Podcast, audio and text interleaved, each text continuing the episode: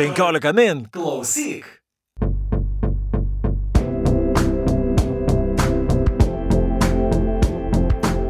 Labadiena 15 min skaitytojų ir klausytojai ir sveikinasi su jumis laida perskaitimai ir mes, kaip visuomet, jos vedėjai, aš Audrius Ožalas. Ir aš Juratė Čerškutė. Ir Kiekvienų metų pabaigoje mes e, turime tokią tradiciją apžvelgti, kas gero, kas blogo įvyko mūsų knygų pasaulyje ir darome tai atsiremdami 15 min metų knygų rinkimais, nes e, kaip tik šiuo metu jau yra paskelbti penketukai, kuriuos išrinko skaitytojai šešiose kategorijose ir šiuo metu laukime ekspertų verdikto ir pirmadienį bus paskelbta, kas laimėjo visgi 15 metų knygų rinkimus, tačiau e, net ir be tų laimėjimų vis tiek tie penkioliktukai, kurie sudaro ekspertai, yra pakankamai toks, na, visai neblogas kelrodis, man atrodo, kad apžvelgti, kasgi įvyko e, knygų leidyboje, kas yra išleista to, kas yra verta dėmesio ir galbūt iš jų galima pamatyti, koksgi buvo tas knygų derlius, ar jisai lyginant su praėjusiais metais. Na ir kadangi mes e, jau ne pirmus metus apžvelgėme metų pabaigoje tas knygas, tai galime galbūt ir palyginti. Ir, na, ir pirmas klausimas tau būtų, Iratė, na, kaip, kaip tau šie metai knygose? Aišku, mes kalbėjome praeitais metais, kad, na, kaip labai keisti metai, užpraeitais metais mes kalbėjome, kad labai keisti, nes štai pandemija, e, sunku suprasti, keičiasi tie skaitimo įpročiai, šiemet galvojam, kad šiemet na, viskas jau turėtų pasikeisti, na, bet e, karas Ukrainoje vėl turbūt viskas pasikeitė, ar ne?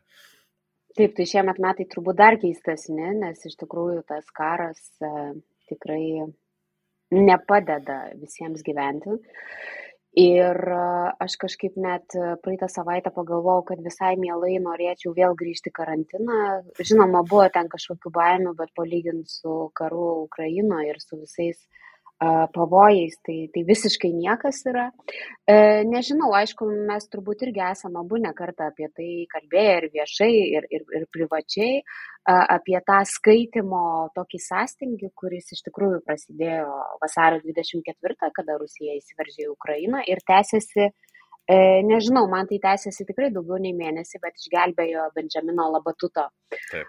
knyga, kurią išleidus yra leidikla Rara, tai po to kažkaip tarsi, tarsi grįžom į kažkokią, ar ne, plus minus tokį skaitimo ritmą, bet vis tiek, nežinau, Audriau, kaip tave, bet mane šiemet knygos nelabai džiugino, arba aš tikrai, iš tikrųjų galėčiau pasakyti, kad yra labai nedaug knygų, kurias aš absoliučiai kaifavau e, skaitydama ir tai būtų maždaug iki penkių, toksai penketukas ir tai dėje dėje, bet būtų ne originalioji lietuvių grožinė kūryba, o tai būtų vis tik verstinė literatūra. Tai jeigu taip reikėtų E, kažkokį tokį pradžią apibriežti kontūrą, tai man atrodo, žiūrint į tuos penkioliktukus mūsų penkiolikos min knygų rinkimų, tai atrodo, kad šiemet turbūt stipriausias yra vis tik verstinės literatūros sąrašas. Nežinau, kaip tau atrodo.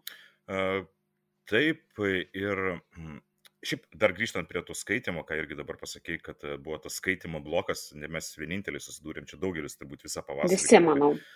Jo, ir man atrodo, kad Bėbijas Blabatuto laida, man atrodo, buvo ir pirmoji po to karo pradžios, kurią mes darėme ir kaip tik ir kalbėjome tuo metu, kad na štai skaitimo blokas galų galia pramuštas, kai atsirado štai ši knyga, kuri kažkiek atliepia šios laikus. Na ir e, tas skaitimo blokas, aišku, susijęs, man atrodo, šiaip su psichologiniam būsenom, su to visų nerimu, su ta, ta, ta depresinė būsena, kai prasidėjo karas. Ir kuo skirgi, kaip tu pasakai, kad norėtųsi grįžti pandeminius laikus, na tai netgi ir knygų srityje, e, tos pačios leidyklasgi pastebėjo tą patį, prasidėjo pandemija, žmonės irgi buvo kupini nerimo, nežinojo, kas vyksta, bet visi atsisuko į knygas. Šiais metais irgi žmonės kupini nerimo, bet na, toks jausmas, kad vis tiek visi skaito, bet skaito dažniausiai visą tai, kas susijęs su karu Ukrainoje ir žinias. Na, ir po viso to grįžti dar prie knygų, na, atrodo taip, net, gal tas žodis menka, netinka, bet, na, atrodo, kad, na, galbūt šiais laikais, na, ne visai tai atliepia būseną. Tai, Tai manau, kad na, ir surasti tas knygas, kaip tu ir minėjai, kurios na, paliktų didelį įspūdį, na, čia jau turi būti labai kažkoks toks įspūdingas kūrinys, kuris na, tiesiog užgriebtų kažką smarkiai. Tai, tai, tai aš visiškai sutinku su tavimi, na ir lietuvių autorių kategorijoje, na, šiemet ir pagal balsavimą tai buvo akivaizdu, kad na, nėra tokių kažkokių akivaizdžių lyderių, tarkime, kurie, kurie išsiverštų ir, ir skaitytojų nuomonė, ir, ir, ir, ir ir, ir, ir, ir tikrai būtų aišku nuo pat pradžių, na štai šitie, va, šitos kelios knygos yra akivaizdžios lyderės, o kitos jau čia turbūt varžysis dėl trečios, penktos vietos. Na, šiemet atrodo, kad buvo pakankamai tolygu ir nebuvo tokio kūrinio, kuris na, išsiskirtų labai smarkiai, ar ne? Jeigu nu, aš turiu vieną, Taip, aš turiu vieną ir man beje, iš tikrųjų gal du mano favoritai buvo iš e, lietuviškos grožinės sąrašo, tai Akvilinos Cicienaitės anglų kalbos žodynas ir beje aš kažkaip netgi uh, turbūt džiaugiuosi, kad aš šitą knygą spėjau perskaityti, aš ją skaičiau sausio mėnesį, buvau gavusi iš leidyklos spaustuvinį PDF, nes moderavau pokalbį su Akvilina knygų mugė, aišku, tas pokalbis buvo pirmą knygų mugės, kaip dabar jau sakom, pirmą karo dieną. Ir tada daugybė dalykų tarsi atrodė visiškai nebeaktualūs, bet dabar šiaip žiūrint, tai Akvilinos Ticianaitės anglų kalbos žodynas yra autofiksinis romanas, tai yra antroji Ticianaitės knyga suaugusiems. Ir šiaip aš buvau uh, ta, kuri palaikė ir pirmąją jos knygą Tylos istoriją ir man visą laiką atrodė, kad ta knyga yra tarsi šiek tiek pražiūrėta arba žmonės yra jos neatradę. Ir vat anglų kalbos žodynas labai tikrai tokios, nežinau ar tikslu yra sakyti teisingos, bet tikrai pasakojimui tinkančios struktūros romanas, tai yra 26 žodžiai angliški, 26 raidės ir, ir, ir, ir, žodžiu, pasakodama apie kiekvieną žodį, kuris yra beje knygoje pateikiamas, neverčiamas, autorė jo prasme ir reikšmę atskleidžia pasakodama e, tas e, visas istorijas ir tas toks autofikcijos sluoksnis yra labai grakštus ir labai grakščiai aprašytas. Aišku, galima sakyti, kad tai yra ir kelio romanas, nes e, pasakotoje romano su vyru keliauja iš Sidnėjaus į Broken Hillį ir, žodžiu, tas, na, turbūt visi žinom tą ar ne, kai kelionės metu tu važiuoji ir būni kažkokioj tarpiniai būsenoje tarp, tarp dviejų uh, dviejų taškų ar ne ir kad daug apmastai dalykų, tai čia labai gražiai šitas yra išryškintas dalykas. Ir vad, kad jau užsiminiau apie tą pražiūrėjimą, tai man tikrai labai gaila, kad į penketuką skaitytojai a, ne, kaip čia sakyti, ne, ne, neišbalsavo, neišrinko a, Bernardo Gailiaus pirmojo Taip partizanų trilerio Kraujo kvapas, kuris yra tikrai uh, puikus romanas ir turbūt jeigu aš sakiau ar ne apie tą penketuką ir kad būtų tik tai uh, verstinė, tai dabar greitai pasitaisau ir sakau, kad gailiui duodu uh, irgi vietą metų visam savo metų sąraše, nes tai iš tikrųjų yra uh, puikiai suvaldyta medžiaga ir yra gerai parašytas uh, trileris išlaikant uh, žanro. Uh, E, visus reikalavimus ir, ir visas taisyklės. Ir aš kažkaip prieš imdama skaityti, nežinau, nežinau draug kaip tai buvo, bet man kažkaip perskaičiau, ar ne, kad tai 49 metai, partizaninis karas Lietuvoje. Akivaizdu, kad antrasis pasaulinis karas Lietuvoje dar nepasibaigęs ir aš galvoju, nuvelniai rautų ir vėl čia tas, tas karas, ar ne, ir kiek čia to karo, ir skaitom žiniuose karas, ir čia, ir kažkaip atrodė, kad bus uh, labai perteklinių dalykų emociškai kažkaip, kad bus per daug karo, bet vis dėlto yra e, tikrai mm, gera knyga, sutik ir pasakyk, kad ir tau patiko. Uh, Šiaip Bernardo Gailiaus kraujo kvapas man irgi buvo viena iš favoričių šitoje kategorijoje lietuvių autorių. Na, dėl kelių priežasčių. Pirma, kaip irgi paminėjai, kad labai gerai suvaldyta medžiaga, o kitas dalykas apskritai man yra labai sveikintina, atrodo, kai uh, lietuvių autoriai pradeda rašyti trilerius, gerus trilerius.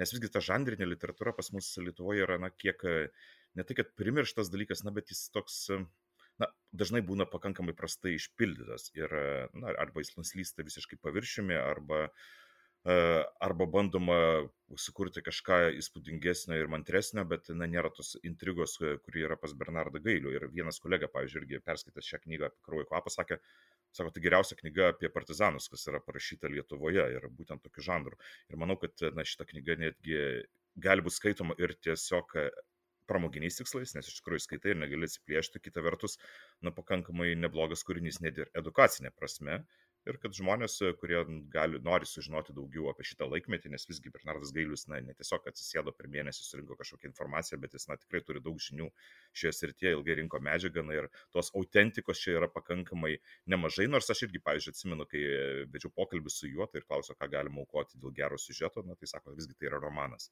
Na, tas, jeigu tu nori būti istoriškai tikslus, tai rašai turbūt ne, ne, ne šiame žanre, vis tiek ta, tas viskas pateikti gerą siužetą, pateikti intrigą ir Tai yra vis tiek svarbiausia šitame žanre. Bet vis tiek labai justi, kad romaną rašo žmogus, istorikas, apsigynęs disertaciją apie partizaninį karą Lietuvoje. Taip. Ir tiesiog jisai, na, justi, kad puikiai išmano dalyką, apie kurį rašo. Ir šiaip čia turbūt yra labai irgi įdomi tema užminiai, kur čia galbūt galėtume mes net atskirą pokalbį apie tai padaryti, apie tą žanrinę literatūrą Lietuvoje galiausiai kažkaip vis dar likęs tas toksai gajus mitas, kad tai tarsi yra prastesnė literatūra už tą tikrąją arba, sakykime, ar ne, elitinę. Ir didžioji dalis rašytojų vis tiek nori būti vertinami ir įvertinti kaip rimtosios literatūros rašytojai. Ir dėl to visada, aš visada prisimenu Jaroslavo Melniko skandinaviško detektyvo adatą pačią pradžią turbūt irgi prisimeni, kuris įrašo tokį tarsi pasiteisinimą skaitytojams, kodėl dabar aš kaip tarsi normalių knygų rašytojas imu rašyti detektyvą ir tas detektyvas beje buvo irgi gerai parašytas, išpildytas visas tas Nordic Noir visa ta žanrinė schema ir viskas gerai padaryta, bet, bet rašytojas jautė pareigą kažkaip lietuvius skaitytojus įspėti, kad na, nenusivilkite, aš dabar ir eisiu rašyti žanrinį kūrinį. Tai, tai tas truputėlį kėlė tokį mažą šipsniuką, bet iš tikrųjų, taip, iš tikrųjų to žanrinės literatūros trūksta ir labai man jau daug metų norisi, kad būtų istorijos iš mūsų šalies istorijos. Ir aišku, čia dabar smagų dalyką daro ir Gina Viliūnė su savo E, Vilniaus senuoju detektyvu su tom e, Budelio mokinio bylom, kur tai nėra tas toks rimtasis, e, toks gruntaunai parašytas detektyvas, bet tas knygas skaityti smagu, tai aš tikiuosi, kad Bernardas Gailius su savo pirmoju trileriu ir pirmoju grožiniu kūriniu, nu, tarsi pralauž kažkokius, kažkokius ledus ir žanriniai literatūrai, ir, ir istorijai. Ir be, čia beje labai įdomiai pastebėjo apie tai, kad na, tarsi rimtosios literatūros autorius atsiprašinėja, jeigu pradeda rašyti kažkokį kitokį žanro knygas. Ir aš atsimenu, buvo pokalbis su Islandų leidėjais, čia buvo anksčiau, ir jie sakė, kad lygiai ta pati problema buvo pas juos prieš kurį laiką, nes na, Islandijoje literatūra visgi irgi visą laiką užėmė tokią svarbią vietą. Jeigu, jeigu esi rašytojas, na, tai esi kažkiek pakilėtas e, tam tikro intelektinio elito atstovas ir jeigu rašai, tai rašai jau ten kažką susijusio sagom, rimtą intelektualią literatūrą, o jeigu rašai detektyvus, na, nerimta nu, tai koks rašytojas, jeigu rašai detektyvus. Na, bet paskui įvyko visgi perslaužimas ir dabar mes puikiai žinome, kad Islandijos e, kriminalinių romanų autorių yra tikrai labai gerų, labai populiarių visame pasaulyje ir man atrodo, nebeliko jau to tokio supratimo, kad kas yra tikras romanas, kas yra netikras romanas. Na, nu, grįžtant prie tavo paminėjimo apie Kvilinas į sieną, ten iš tikrųjų e, šis romanas, kaip ir sakai, kad labai sunkiai yra turbūt įtalpinamas į kažkokius rėmus, bet bent jau man skaitant šią knygą pasirodė, kad galima surasti ir kažkokios eseistikos, ar ne, pradų čia, nes tarsi romanas, bet na, galima skaityti ir kaip tam tikrą perėjimą iš esė į romaną ir e, turbūt šiame sąraše yra dar viena tokia knyga, kurią galima taip būtų įvardinti penkioliktukė, tai yra Vaivos Garinytės rožės ir bulvės, na, kuris irgi pristatomas kaip negrožinis kūrinys, bet, na vėlgi, iš esmės nesu išlygom galima vadinti turbūt romanų, kaip, kaip kaip ir iš viso sunku irgi įsprausti kažkokius rėmus, nes tai vėlgi to atrodo bandymas suprasti, kas yra laimė, kas, kaip keičiasi mūsų santykis su tikrove pandemijos metu ir tokių įėjimų į tą tekstą irgi yra daugybė, kaip ir išėjimų ir uh, vėlgi yra toks pakankamai netradicinis kūrinys, tai man jis irgi beje visai patiko ir uh, Nors e, kažkaip jo, matome, kad e, skaitytojų dėmesio ir patikimo į penketuką visgi tam neužteko. Na ir be, aišku, reikia dar atkreipti dėmesį dar į du kūrinius, kurie tarpusavėje kažkiek yra susiję, tai yra Undinė Radzevičiūtė, na, šiaip paprastai pakliūdavo į penketukus, šį kartą su savo minaretos ir septyni nepatenka, na ir E, po 20 metų savo naują kūrinį romaną išleidęs e, Marius Ivaškevičius, Tomas Mūras ir labai įdomu, turbūt irgi jau nekartą minėta, kad abu e, šias knygas parašė toje pačioje rezidencijoje Vokietijoje. Nors labai skirtingos knygos ir labai skirtingas matymas, ką jie ten pajutė iš tikrųjų toje rezidencijoje. Absoliučiai skirtingi tekstai ir aišku gaila, man tikrai gaila, kad Radzevičiūtės minaretas ir septyni E, nepakliuvo į, pink, į penketuką, nes šita knyga e, pačios Undinės Radzevičiūtės kontekste, mano manimu, yra išskirtinis tekstas, nes e, tai irgi yra autofikcinis pasakojimas ir, ir ko gero pirmą kartą taip atvirai rašytoja pasakoja apie savo kūrybinį procesą, apie tai, kaip jinai rašo, kas jai čia, na, šituo atveju Minaretas ir septyni, turbūt pantraštė turėtų būti, e, kas ir kaip trukdo parašyti, e, parašyti romaną, tai tas e, atvirumas ir apskritai savo pačios ankstesnės kūrybos vertinimas ir tokia refleksija, tai man kažkaip pasirodė labai uh, išskirtinis dalykas Undinės Radzevičiūtės kontekste ir aišku, na, tiesiog Undinė Radzevičiūtė yra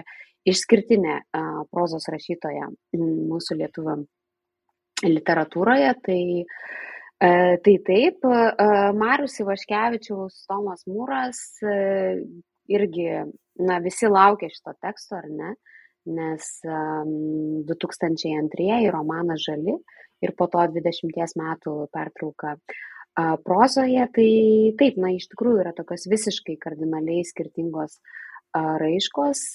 Nežinau aš nesu mariaus ivaškevičiaus šito romano gerbėja.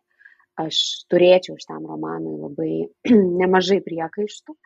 Bet, na, tikrai įdomu palyginti, jeigu mes žiūrėsim iš tos perspektyvos, ar ne, kaip du lietuvių autoriai buvę toje pačioj rezidencijoje visiškai kardinaliai skirtingai aprašo apskritai tą buvimo uh, rezidencijoje visą patirtį. Na ir e, šiaip iš tikrųjų skirtingi tekstai, bet tam tikrų sąsajų, kaip po to aš perskaičiau abi šias knygas ir bandžiau visgi sudėlioti, na kažkas vis tiek tai yra kažkokios bendros gyjos, visgi jų yra, nes, e, na, ta pati undinė e, rašo daug, kaip ir minėjai, tos tylos paieškas ir e, bandymas susikoncentruoti į tekstą ir labai toks asmeniškas santykis su, su jos e, romanais čia atsiskleidžia ir kad skaitytojai, kuriems įdomu, kaip visgi buvo rašom, kaip rašomos yra jos knygos, kaip jinai kūrė savo personažus, ši knyga yra, turėtų būti irgi labai įdomi. Tai Mariaus e, tekstas, jis aišku, jis kitoks, bet jis vėlgi irgi kalba apie menininką apie menininko santykių su savo tekstais ir apie mm, laisvę ir apie tai, kaip jis tampa įkaitu to, kaip jisai susikūrė savo tą menininko pasaulį. Tai vėlgi, iš dalies vis tiek tai yra kalba apie, e, abu, abu šie romanai, man atrodo, vis tiek kalba apie tai, kaip menininkas kūrė savo tikrovę ir ką reiškia gyventi toje tikroje, tikrojoje tikrovėje. Ir, na, tas akistatos kartais būna, na, ne visai malonios ir privedančios dažnai prie tokių, na, gana aštrių klausimų iškelimo. Na, bet beje, šiaip kalbant apie Marius tekstą, vėlgi, tai, na, čia vienas iš tų atvejų, kuris irgi, kai mes knygos e, pokalbio pradžioje kalbėjom apie karą Ukrainoje, tai vienas iš tų kelių tekstų, kuris yra šiame penkioliktuke, viena iš tų kelių knygų, kurios visgi buvo prarytos karo. Ir aš įsivaizduoju, kad ne, vien, ne vienas romanas, ne viena knyga šiame sąraše būtų gal sulaukęs ir daugiau pristatymų, ir daugiau dėmesio aptarimų, jeigu nebūtų prasidėjęs karas. Nes yra kelios tokios knygos, kurios išėjo ir staiga tiesiog prasidėjo karas, o žmonės nieko nebeskaitė. Ir tos knygos savo gyvenimą vos pradėjusios, kaip ir na, buvo kažkiek padarytos pauzės. Ir viena iš tokių knygų beje yra Laurino Katkaus nakvynė Berlyne, nes aš pats irgi vedžiau pokalbį knygų mūgėje pristatymo šios knygos. Uh, Na ir paskui sakėm, na tai turbūt visgi vienas iš kiščiausių potyrių, kai tu pristatai knygą, lyg ir lauktas įvykis, lyg ir, e, lyg ir kalbėjo apie tam tikrus dalykus, apie nepriklausomybę, apie kartų, kartų skirtumas, e, savistabą ir visa kita, ir staiga prasideda karas ir tu supranti, kad na, štai, štai ši knyga bus vertinama visai kitokiame kontekste. Beje, šitą knygą man irgi Laurino Katkaus patiko, nes, na, toks varijuoja įvairiais žanrais, slengo, humoro tokio įmeta ir, ir šiaip labai įdomu palyginti tuos tekstus, kaip nuo magiškojo realizmo perinama prie visiškai realistinių tekstų ir apie tai, kaip na, keičiasi savęs suvokimas toje nepriklausomybėje ir ką mes padarėme per šituos keliasdešimt metų ir kaip, mums, kaip mes pasikeitėme, galbūt ne tik išorėje, bet ir viduje. Tai šitos apysakų žanras, tai man tai irgi pasirodė visai įdomus. Taip, ir dar man ko gero, dabar žiūriu tiesiog į penkioliktuką sudėtą, kuris yra sudėtas abecėlės tvarka. Tai dvi paskutinės pozicijos - Jurga Vilė nukritę iš Manulio sapnas apie Oskarą Milašių ir kitus paukščius ir Justino Žilinsko Begliai jūrų keliais į Ameriką. Abi šitas knygas išleido aukso žuvis ir tos toks tarsi, tarsi jau patapęs aukso žuviškas, ar ne?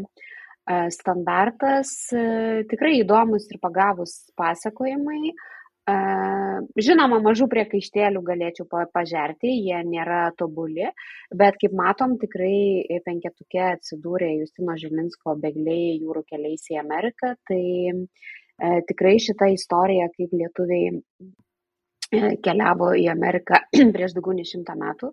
Na, panašu, kad žmonės irgi domina. Ir, ir, ir man atrodo, Jurgos Vilės tikrai labai ilgai, ilgai laukta buvo šita knyga, nes tarsi sklandė toks gandas, kad Vilė rašo apie Oskarą Milašių, tai visi, tai visi, žodžiu, irgi laukė ir tikėjosi. Galbūt kiek per ištekstas man šitas pasakojimas, gal nuo man šiek tiek per mažai pasirodė paties Oskaro Milašiaus, bet jeigu šita knyga, sakykime, patins žmonės susirasti Oskaro Milašiaus kūrybą ir ją skaityti, tai, na, kaip sakoma, tikrai, tikrai valio.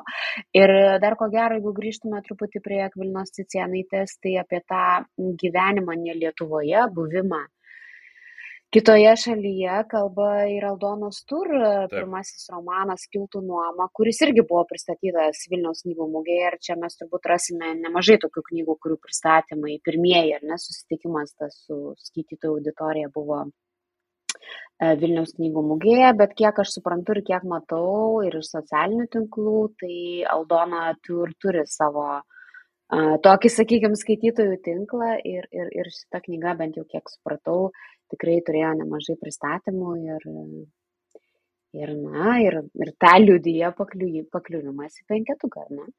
E, jo, ir šiaip man atrodo, kad geriausia šią knygą apibūdina jos pačios e, sakinys, kuri, kai jinai buvo paklausta, ką jinai norėjo parašyti, koks yra tikslas šios knygos, jinai pasakė, kad norėjau parašyti lengvą, bet nepaviršutinišką pasakojimą apie moteris. Na ir iš tikrųjų, tai yra greitai skaitomas, lengvai skaitomas, toksai galbūt polisio knyga, nors aišku, šiaip toks labai keistas būdimas polisio knyga, nes nu, dažniausiai mes knygas skaitome polisui, nebent jeigu skaitai darbui, bet, na, tiesiog e, gerai parašyta, lengvo, lengvesnė galbūt stiliaus knyga, bet tikrai nenuslystanti paviršiumi ir, man atrodo, visai yra neblogo humoro ir e, pakankamai neblogai perteikti personažai, tai sakyčiau, kad irgi toks, bent jau man tuo metu, kai skaičiau, tikrai atrodė, kad pakankamai pakankamai geras atradimas lietuvių literatūroje ir tikrai labai įdomu, ką darys jinai toliau.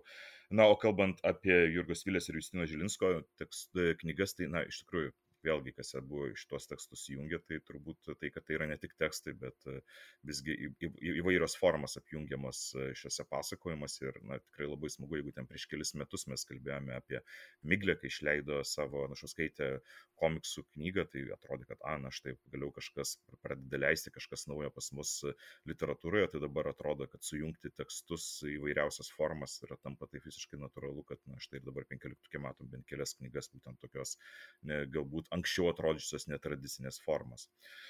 Ir gal aš dar noriu mhm. tik pabrėžti dėl Jurgos Vilės, kas man asmeniškai pasirodė labai tikrai smagus e, sprendimas, kad tai nėra tas toks tikras tradicinis komiksas, kaip mes įsivaizduotume ar ne, kad na, yra e, spausdintinis tekstas, raidinis tekstas ar ne, ir e, skirelio pabaigoje tarsi tą visą istoriją, kurią jūs perskaitėte kaip įprasta tradiciškai normalioje knygoje, tada ją tarsi susumuoja arba tokią rezumė padaro iliustracijos. Ir tas toksai na, įdomus sprendimas, nes tarsi nebetinka jau taip šimtų procentų sakyti, kad tai yra a, grafinis romanas, bet kaip įdomiai yra išnaudojamos iliustracijos ir lygiai taip pat yra a, Justino Žilinsko knygoje Begliai. Tai aš manau, kad jeigu kas labai pavargsta nuo teksto, tai tikrai gali pailsinti akį, paganyti žvilgsnį po, po iliustracijas. Na ir be abejo, Rolando Rastausko knyga Venecija tiesiogiai irgi yra ir penkioliktukė, ir penketukė. Na, visgi šitas autorius tikrai e, turi savo didelį gerbėjų ratą ir matome, kad prabalsavo ir šitą knygą. Na, įvairiausių yra nuomonių, įvairiausių atsiliepimų ir vieni sako, kad visgi tai e, eseistika visgi laukia labiau jo eseistikos ir visgi tie senesni tekstai pakliuvę į šitą knygą visgi yra stipriausi. Na, kiti sako, kad kaip tik Rolandas Rastauskas na, išbando save naujoje, naujoje formoje ir na, atliepia aktualijas ir irgi tai yra vienas iš tų pandeminių romanų. Na, bet kokiu atveju e, tai yra kitoks jo bandymas ir kiek e, teko skaityti, kad jisai galbūt e, kitais metais galbūt pasirodys dar viena jo knyga, galbūt irgi visi net ne, ne įprasta, kiek mes anksčiau esame skaitę šito rašytojo, tai irgi bus įdomu paskaityti, na, o kol kas turime Veneciją tiesiogiai. Na, ir akivaizdu, kad irgi savo skaitytoją surado. Na, bet kokia atveju, man atrodo, turbūt su lietuvių grožinė literatūros aptarimu galima jau kaip ir pamažu baigti ir galim perėti prie negrožinių knygų. Ir tada pirmasis klausimas tau įratė būtų, kaip visgi lietuvių negrožinės knygos praėjusiais metais, šiais metais vis dar besibaigiančiais atrodo? Man kažkaip tikrai atvirai tą pasakysiu, negrožinės sąrašas atrodo įdomesnis už lietuvių grožinės. Ir šita tendencija tokia, man atrodo, jinai yra auganti pastaruosius keliarius metus. Ir tikrai, aišku, čia tas negrožinės sąrašas, jis yra labai platus, ar ne, nuo, nuo memoristikos iki iš tikrųjų mokslinių studijų. Ir šitą mes matome net ir penketuke, ar ne, kur yra mano kolegos Rimanto Kmitos tokia mokslinė studija, mokslinė monografija apie Sigitą Gedą, ugnies giesmės tūkstantis Sigito Gedos veidų.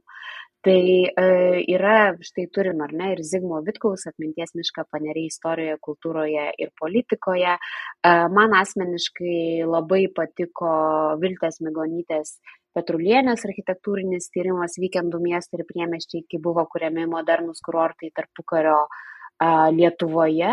Ir iš tikrųjų šitas sąrašas toks e, tikrai platus ir aš apskritai pagalvojau, kad, na, pamiršom pasakyti, ką mes turbūt visada sakom kiekvieną kartą, kad štai šitie sąrašai tai yra 60 knygų rekomendacijų, kaip visada būna, ar ne, prieš šventės, ką nupirkti, čia va žmogus nori knygelės, kokią padovanoti, tai štai prašau, net 60 knygų ir tie, kurie neskaito grožinės literatūros, tai net ir lietuvių autorių negrožinių knygų, tai tikrai čia galima daug rasti ir aš manau, kad turbūt tokių, sakykime, kaip čia dabar pasakytų, tokių paprastųjų skaitytojų, aš įsivaizduoju, kad vienas kitomiausių knygų tai būtų Roberto Petrausko Poltava arba Živilės Kropaitės Basiulės fainiausia pasaulyje močiutė.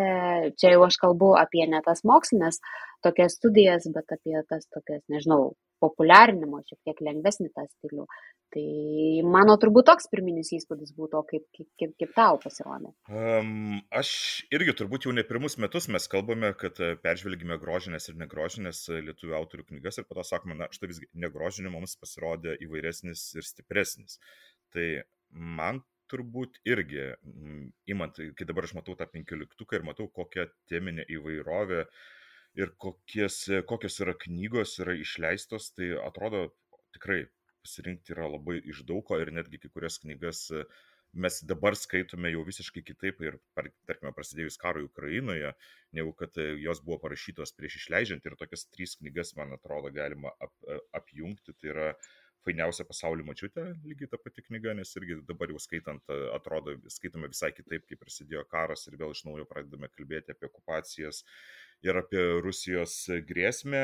Algirdo Kumžos oranžinis romanas, dar viena knyga, kuri buvo pristatyta prie Vilnius knygų mūgė, kuri irgi buvo ambasadoriaus atsiminimai iš Ukrainos. Na ir aš jas, šią knygą skaičiau irgi dar prieš prasidedant karui ir skaičiau vienaip, prasidėjus karui, mm. mes jau aptarinėjom, na, matome, kad štai tam tikri dalykai, kurie atsispindi, kurie privedė prie šito karo ir tai, ką matė Kumža tuo metu, iš tikrųjų, na, dabar išaštrėjo dar labiau. Na ir be abejo, Poltava, kur irgi ir pas Robertas Petrauskas sako, kad, na, iš tikrųjų tai yra apie Poltavos mūšį, bet iš tikrųjų tai yra knyga visgi daugiausia apie Rusijos imperinį mąstymą ir apie tai, kaip visgi gimė tas konfliktas uh, tarp Rusijos ir aplinkinių tautų ir kaip galų gale viskas nuėjo iki to, kad Rusija nusprendė užpulti Ukrainą ir viso to priežastis glūdi jau tikrai ne, ne pasarosius penkis metus, ne dešimt, ne dvidešimt, o kelius šimtmečius. Na tai šią knygą ir tos Rusijos agresijos suvokimui tikrai pravartu paskaityti.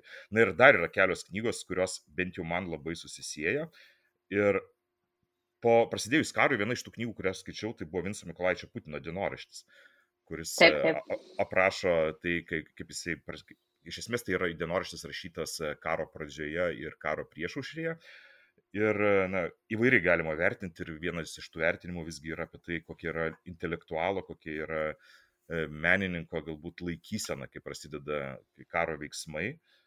Ir kita knyga, kuri susisieja labai su šiuo kūriniu, tai yra Valdemaro Klumbio knyga Stovėję po medžiu, būtent kuriame šiame kūrinėje ir uh, nagrinėja inteligentų laikyseną sovietmečiu. Tai e, šitas abi mhm. knygas siūlyčiau, jeigu turite laiko, tikrai skaityti vieną šalia kitos ir galite susidaryti na, pakankamai platų diskusinį suvokimą apie tai, kas, kas, kas, kas visgi yra ta laikysena, kai, tarkime, tavo šalį okupuoja, ką tu gali daryti, ką tu darai ir ką darė lietuvių inteligentai. Tai šitos dvi knygos tikrai irgi, mano nuomonė, labai vertos nagrinėjimo šiame, šio karo kontekste. E, aišku, mitos knyga, tai man atrodo, yra daugybė kartų jau aptarta ir tikrai vienas iš įspūdingiausių šių metų kūrinių ir daugybę metų rašytas ir tikrai čia man atrodo, kad nieko naujo ir nepasakysime. Man atrodo, kad visi, kas domisi literatūra, jau turbūt bent jau užmetė akį į šią knygą. Ir šiaip dar žiūrint iš tą sąrašą kilo mintis, kiek vis tik jame daug karo yra. Pažiūrėk, Algio Mitskūno atsiminimų punktyrai, kur Mitskūnas pradeda pasakoti apie savo vaikystę, kuri labai greitai pereina į, į karo, karo tą epizodą antrojo pasaulinio karo ar ne e, visos tuos metus, tai kažkaip atrodo, kad... Ir beje, aš šitą supratau, kai prasidėjo karas, atsisėdau kažkaip pagalvoti ir tada šiaip kai gyveni taiko, tvarkingai taikoje, ar ne, ir, ir viskas gerai, tai net nesusimastai, bet prasidėjus karui gal net taip šokiravausi, suvokus, kiek daug karo yra literatūroje. Jo, ir Vitkaus knyga irgi vėlgi, holokaustas, Taip. holokausto atminimas vėlgi tiesiog įsijęsi su karu. E, na ir aišku, dar vienas, viena knyga, kurią galbūt mums ir nebūtų labai etiška kalbėti, nes mes patys susidūrėme toje knygoje, tai yra gyvenimas tarp knygų, bet e, manau visiems knygėms, visiems tiems, kuriems labai svarbios E, knygos, kurie atėję į kažkokius svetimus namus visą laiką apžiūri, kas, o, kas, kas, kas skaitai, kokios knygos pas tave, tai yra knyga gyvenimas. Kas lentynose. Kas lentynose, tai tikrai gyvenimas tarp knygų yra irgi labai, turėtų būti labai įdomi, nes e, šioje knygoje apžvelgime tiek kolekcionieriai, tiek paprastesni, galima sakyti, tokie žmonės kaip mes, arba žmonės, kurie, kuriems šiaip yra aistra rinkti knygas ir dairomasi po jų, po jų namus, po jų knygų lentynas yra kalbama apie tai, kokias knygas jie skaito, kas padarė didžiausią įtaką, galų galę, kas, kaip jie kolekcionuoja knygas, ar šiais laikais iš viso dar yra renkamos knygos. Na, toks toks e, vizualiai labai gerai paruoštas ir, ir tikrai, man atrodo, visiems knygams pravartus skaitimo kūrinys. Uh, šiaip. Nu, gal ten skaitimo daug nėra tam kūrinį, gal daugiau vis tiek tokio ganimo akies po, po svetimas lentynas. Na, taip. Bet beje, akį galima paganyti ir po Lauros Švedaitės Vilniaus sekretus. Labai įdomas koncepcijos knyga. Tokia, nežinau, man truputį e, visiška, nu ne visiškas, bet toks Berlyno dvasia atrodo alsuojantis. Alsuojantis, nežinau, turbūt reikia sakyti albumas Jo, irgi toks vienas, viena, viena iš tų knygų, kur susisieja vėlgi tekstas su nuotraukomis. Tiesa, man kartais atrodo, kad tekstas eina viena kryptim, nuotraukos kita ir, tarkime, jos tarpusavį galbūt e, ne visai susiję su, tai, pažiūrėjau, su tuo tekstu, kuris, kuriame yra įdėtos tos nuotraukos, bet nesupratau, kad toks sumanimas ir buvo ir, ir buvo rašoma būtent tokiu būdu. Ir e, kaip, m, tai knyga, kurioje kreipiamas dėmesys į tokius smulkmenas, į kažkokius aspektus, galbūt ne visai tą paradinį Vilnių, ne, ne į tą iščiustytą Vilnių, o bandoma suprasti, kas yra tas mentalitetas Vilniaus, kaip jį reikia perskaityti, kas, kas, kas yra gyvenamieji rajonai, nes man iš tikrųjų labai įdomu skaityti apie tuos gyvenamosius rajonus. Ne apie tą senąjį Vilnių, ne apie senamestį, o galbūt žengti, tarkime, kažkiek toliau nuo centro ir kalbėti su žmonėmis, kurie na, jame gyvena. Ir be abejo, su šita knyga tiesiog įsijęs ir Darius Kucevičius, dar viena knyga apie istorinius Vilnius reliktus, na, bet čia jau toks. Bestselleris konkretus. Taip, bestselleris ir, ir tikrai šitas darbas, kurį daro Darius Kucevičius, yra labai svarbus, man atrodo, irgi. Ir irgi, beje, kažkiek siejasi jo iš tikrųjų su švedaitės kūriniu, nes jis bando ieškoti per žmonių istorijas, per tos pačius mažus dalykus, per reliktus kalbėti apie mūsų patirtį. Na ir šioje knygoje jis beje kalba apie visai netolimą praeitį, apie e, prieš keliasdešimt metų įvyk, gyvenusi Vilnių, tai irgi kažkiek siejasi labiau su šiais laikais, negu tarkime pirmoji jo knyga, kuri nukelia šimtmečius atgal. Taip, tai. Ir ko nepaminėjom išskirtinio, turbūt yra Eglės Sakalauskaitės Jodeikienės knyga Pamišimas ir epilepsija paumėje šviečiant menisienai. Taip. Tai toks, sakykime, retas medicinos istorijos veikalas, kur kartais man tikrai norėtųsi tokių knygų lietuviškai, ypač parašytų pagaviai neprofesionalams skaityti, ar ne. Na ir aišku, akivaizdu, kad penketukė Giedrės Kaukaitės atsiminimai, ar ne, mano Eldoradas. Na, man asmeniškai tikrai labai patiko epizodas apie Richardą Gavelį, visiškai Taip. netikėtas ir nelauktas, ar ne? Tai čia toks užkabinimas skaitytojams, kurie klauso mūsų, kad, kad paskaitytų. Nu ir aš manau, kad penketuko viena iš lyderių buvo Ingridos Gudauskinės knyga Biblijos vyrai ir moteris kryškelės, ar ne? Be abejo, jinai šlavė konkurentus ir, na, visą laiką, kai yra skaitytojų balsavimai, e, tu supranti, kad na, visgi dažnai laimi tos knygos, kurios turi labai ištikimus savo gerbėjus, kurie sugeba susitelkti ir kurie ištikimai balsuoja. Tai turbūt viena iš tų knygų, kur jau nuo pat e, konkurso paskelbimo pradžios, nuo pat balsavimo pradžios iškart matėme, kad šovė į priekį ir akivaizdu, kad na, knyga tik, turi tikrai labai labai daug gerbėjų ir kurie yra ištikimi gerbėjai ir kurie, kiek žinau, ir pristatymuose susirenka daugybė žmonių, na tai visgi Na, galbūt tai nėra mano pirmojo pasirinkimo knyga iš šio penkeliutuko, galbūt man ne tiek smarkiai ir net liepia, bet, na, akivaizdu, kad jinai parašyta įdomiai, parašyta naujoviškas žvilgsnis, man atrodo. Ir kaip pati autorė sako, na, tas Biblijos vyrai ir moteris kryškelėse galbūt visi gal, gali įsivaizduoti, kad tai yra knyga praktikuojantiems katalikams, bet iš tikrųjų, kaip jinai ir pati sako, tikrai yra ne tik tai jiems, nes, na, Biblija kalba apskritai apie pamatinius, apie dalykus ir žmogus. Ir, ir, ir atliepia netgi tai, kas galbūt žmogus. Atliepia tai, gal, kas galbūt svarbu žmonėms, kurie net tos Biblijos nėra gyvenime skaitę.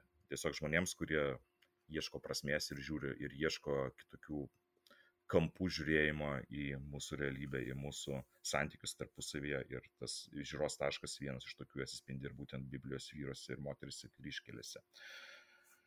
Ir beje, prie, kalbant apie pamišimas ir epilepsiją paumėje šviečiant mėnesieną, man irgi šita knyga pasirodė labai įdomi ir toks na, netikėtas požiūrio taškas.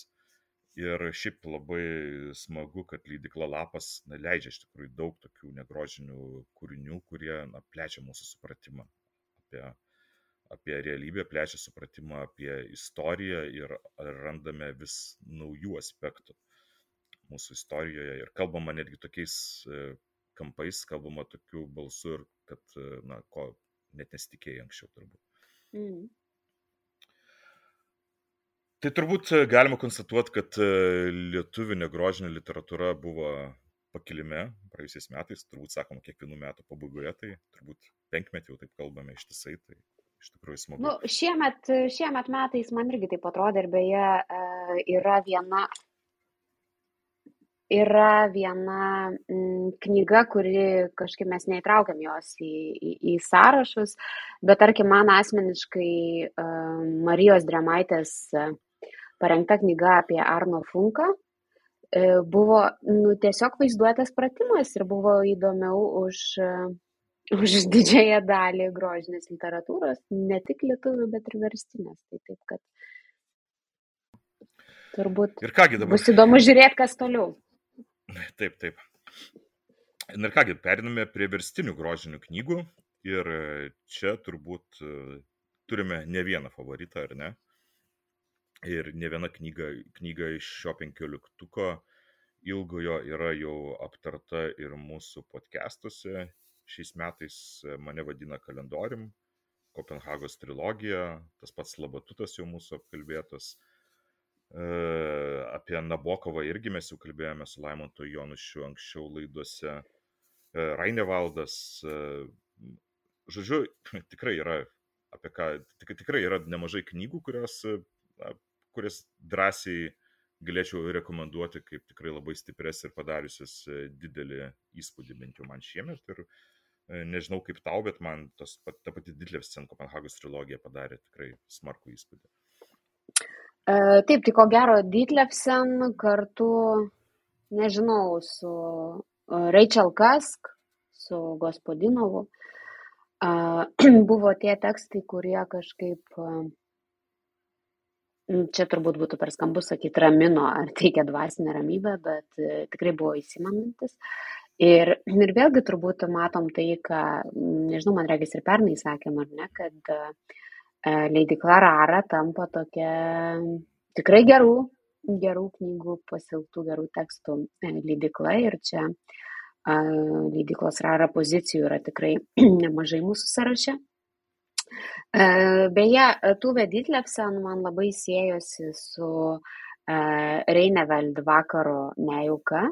Ir irgi mes ar ne, kalbinom ir vertėją Aušrą Gudavičiūtę, tai man atrodo du tokie tekstai, kuriuose aprašomos tos vidinės tamsumos kažkaip labai gerai rezonuoja su mūsų pačių kažkokiam savijautom šiomis dienomis. Ar, ar, ar aš klystu taip galvodama, kaip atrodo?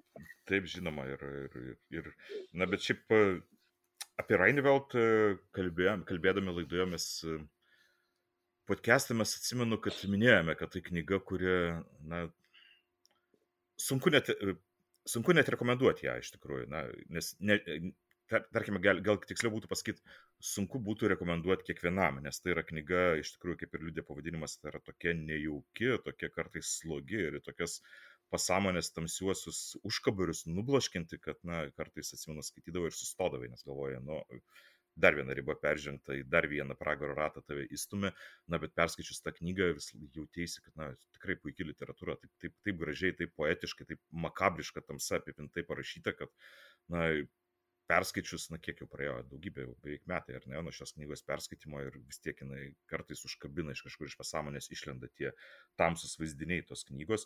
Nu, apie Ditlevsen irgi visą laiką skaitai, kaip perskaičius irgi vis grįžtų kartais, kartas nuo karto ir prie tos knygos, na ir toks e, liūdėsys, iš tikrųjų, tas vienas iš pagrindinių tokių leitmotyvų, kuris palieka tą knygą perskaičius, nes, na, iš esmės kaip ir sėkimas paskui savo svajonę ir savo kūrybiškumo paieškos, išsilaisvinimas, na, bet visgi pabaiga tokia visgi įsuka į vėlgi irgi tos pačius pragaro ratus. Na ir beje, aš dabar pastaruoju metu skaitau Douglas Stewart knygą Šūkis Beinas, na ir panašu, kad irgi iš dalies siejas irgi su šita Tovis Duės Divlėsin knyga.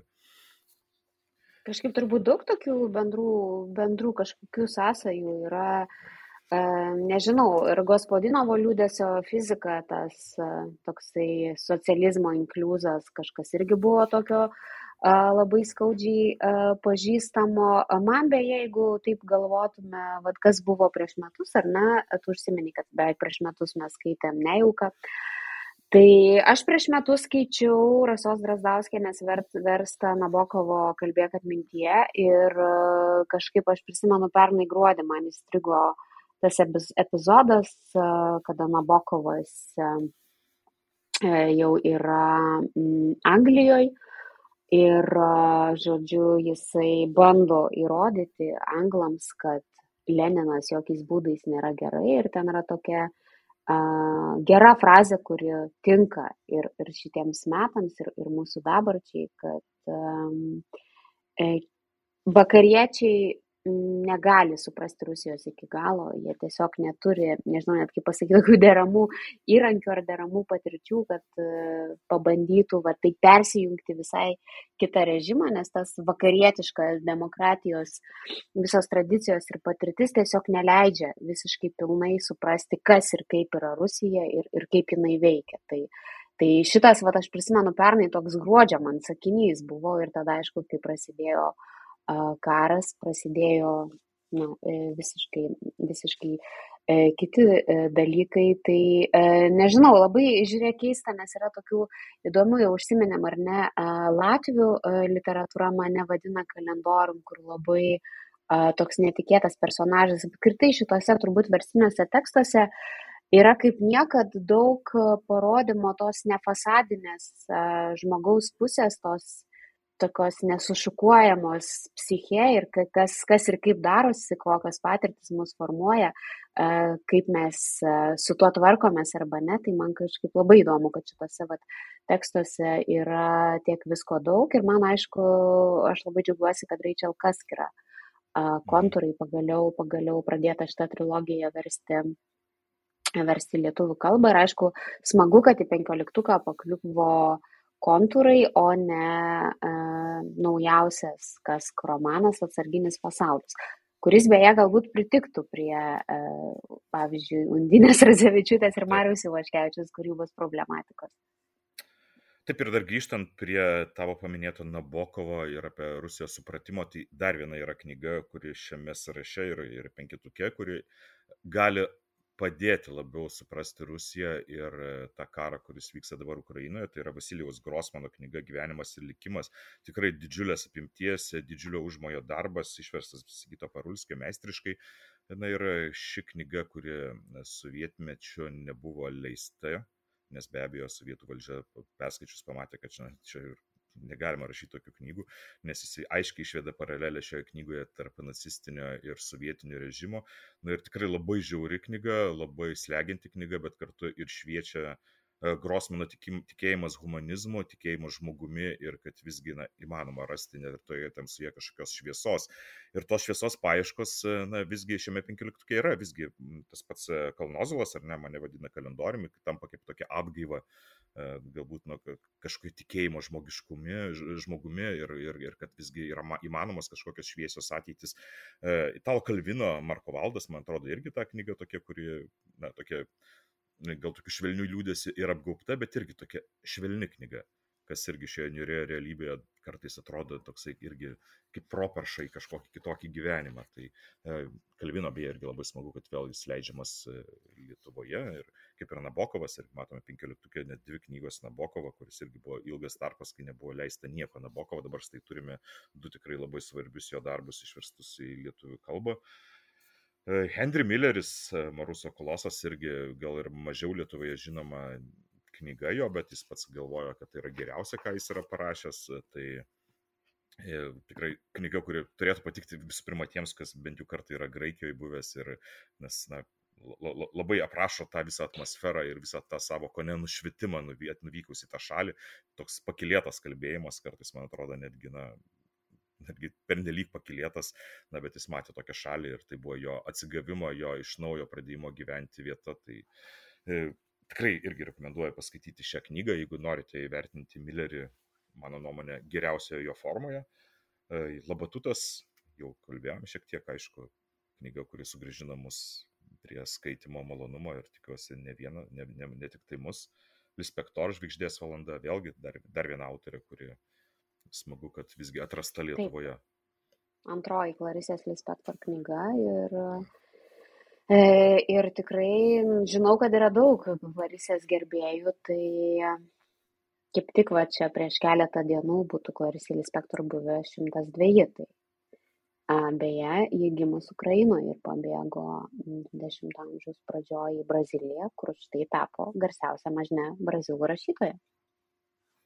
Na ir sąraše yra ir Lenkų raitelis Molinos, knyga, kuri mano nuomonė nesulaukė Lietuvoje dėmesio, bent jau tokio, kokio turėtų sulaukti, nes, na, gimtoji Ispanijoje, tai šita knyga vadinama na, vienu iš pamatinių pastarųjų kelių dešimtmečių veikalų. Ir Frankfurto knygų mūgėje, kai buvau, tai irgi Molina pristatomas kaip na, viena didžiausių šių laikų Ispanijos literatūros žvaigždžių ir šita knyga be abejo turi gausybę gerbėjų. Na, pas mus ją įvertino galbūt tokie, labiau tokie literatūros ekspertai, tai žmonės, kurie mėgsta sudėtingesnius, įdomesnius tekstus. E, bet, na, aš pasigėdau kažkiek dėmesio daugiau šitai knygai, nežinau kaip tu. E, taip, nes kažkaip jinai tarsi buvo išleista ir jinai taip e, praplaukė, tai e, nežinau, tai va, tai jeigu kas turit laisvo laiko tarp kalėdų ir naujų metų, tai aš manau, kad su šita knyga žvalgyti sniegą pro langą ir skaityti ją yra tikrai visai gerai. Tai aš labai tikiuosi, kad jos buvimas penkioliktukė leis žmonėms ją atrasti. Na, be abejo, Virginijos Woolf knygos e, Naktis ir diena pasirodymas irgi už, už, už, už, už, užlopo tam tikras spragas, nes, na, tai antrasis Virginijos Woolf romanas. E, mano įsitikinimu, jis nėra toks geras e, kaip jos vėlyvesni kūriniai, na ir jis tikrai neįtraukiamas tarp geriausių jos kūrinių, jis toks labiau pereinamasis, jis toks realistiškesnis, tradiciškesnės formos nei vėliavesni romanai, na, bet bet kokiu atveju Virginijos Woolf, mano nuomonė, visas knygas vertėtų turėti lietuvių kalbą, tai smagu, kad išleistas ir šitas e, romanas, na ir Alejandro Zambar, Čilės poetas, e, man, mano asmeninėme topė būtų tarp, tikrai tarp, tarp top 5 knygų šiame 15, labai man patiko šita knyga, na bet mes jau ir kalbėjome, Rara leidiklos, kiekviena nauja knyga iš esmės yra kažkuo labai įdomi ir mano nuomonė vienas iš smagiausių atradimų Lietuvos leidyboje. Praeitais metais tai sakėme ir man atrodo, kad šiemet galime pakartoti, kad Raros atsiradimas tikrai labai smarkiai pagyvina mūsų literatūrinę leidybą. Taip, taip. Tad e, grožinės knygas turbūt kažkiek užmetėm akį, nors čia galėtume, aišku, kalbėti pakankamai ilgai, bet visgi galbūt e, praeitais metais. Ir aš manau, kad su, su, sutarkim, kad labai geras yra vis tik teisingas verstinių grožinių penketukas, ar ne? Tai Taip. yra, na, Virginia Woolf, Tuve Ditlevsen Kopenhagos trilogija, Kalnozolas, Reineveldo vakaro nejauka ir aišku, Grosmano gyvenimas ir likimas. Tai... Nu, Taip, ir nuo klasikos. Gerai atspindi metus. Taip. Taip, nuo klasikos iki šviesesnių tonacijų, iki tamsos e, Rusijos, žodžiu, vis, visą tai, ką mes skaitėme šiemet, iš esmės gali būti apie, sutalpinta iš tas penkias knygas. Perinant prie verstinių negrožinių knygų, na, vėlgi, geras penkioliktukas, bent jau mano įsitikinimu. Ką manai? Geras labai vėl, ar ne, toksai plačių horizontų ir uh, Yra ir istorinių knygų, ir architektūrinių, ir memoristikos, ir psichologijos. Ir aišku, tai, kas dabar labai madinga - grybų. Tai uh, uh, tikrai kažkaip... Uh, ai, ir mane tai turbūt, aišku, labiausiai džiugina uh, knygos, kurios yra susijusios su skaitimu, literatūra, uh, rašymu. Tai aišku, aš pradėsiu turbūt nuo dviejų pozicijų abėcėlės tvarka nuo, nuo kito abėcėlės pakraštėlio, tai aišku, Irenės Valecho knygos gimimas, didžiulė istorija apie, apie rašytinį žodį, apie pirmasias bibliotekas, apie knygas, apie leidybą, tikrai didžiulis darbas atliktas. Aišku, parašyta, taip sakykime, popsovai, paprastai ir pagaviai, bet aš manau, kad tokių knygų labai trūksta lietuviškai. Ir, ir labai norėtųsi, kad jų būtų vis daugiau, nors aš aišku puikiai suprantu, kodėl leidyklos nesiryšta imtis tokių knygų, nes tikrai turbūt skaitytojų ratas nebūtų toks gausus, kaip, kaip galima numanyti, bet, na, ačiū, ačiū, ačiū ir Doviliai Kusminskaitį, kad išvertė ir, ir smagu, kad yra. Na ir aišku, Olgos Takarčiuk, jautrusis uh, pasakotojas, Tokarčiuk, tokie, sakykime, eseistikos tekstai, tekstai, kuriuose jį komentuoja ir savo kūrybą, ir kitų kūrybą. Tai irgi, kadangi Olgos Tokarčiuk gerbėjų Lietuvoje nestinga ir, na, ne per seniausiai pasirodė ir turbūt Olgos Tokarčiuk Magnum Opus, Jokūbo knygų lietuviškasis vertimas, Viturys Jarutis, Olgos Tokarčiuk vertėjas išvertė į lietuvių kalbą, tai aš manau, kad jautrusis pasakotojas yra na, tokia kaip parankinė knyga, bandant e, suprasti Olgos Tokarčiukų kūrybą, tai irgi labai na, džiugina, kad, kad ji yra lietuviška ir kad štai man yra penkioliktukė. Aišku, truputį gal man gaila, ai ne, negaila, atsiprašau, pražiūrėjau, tai taip, o jautrusis pasakotas yra penketukė, tai, tai viskas gerai.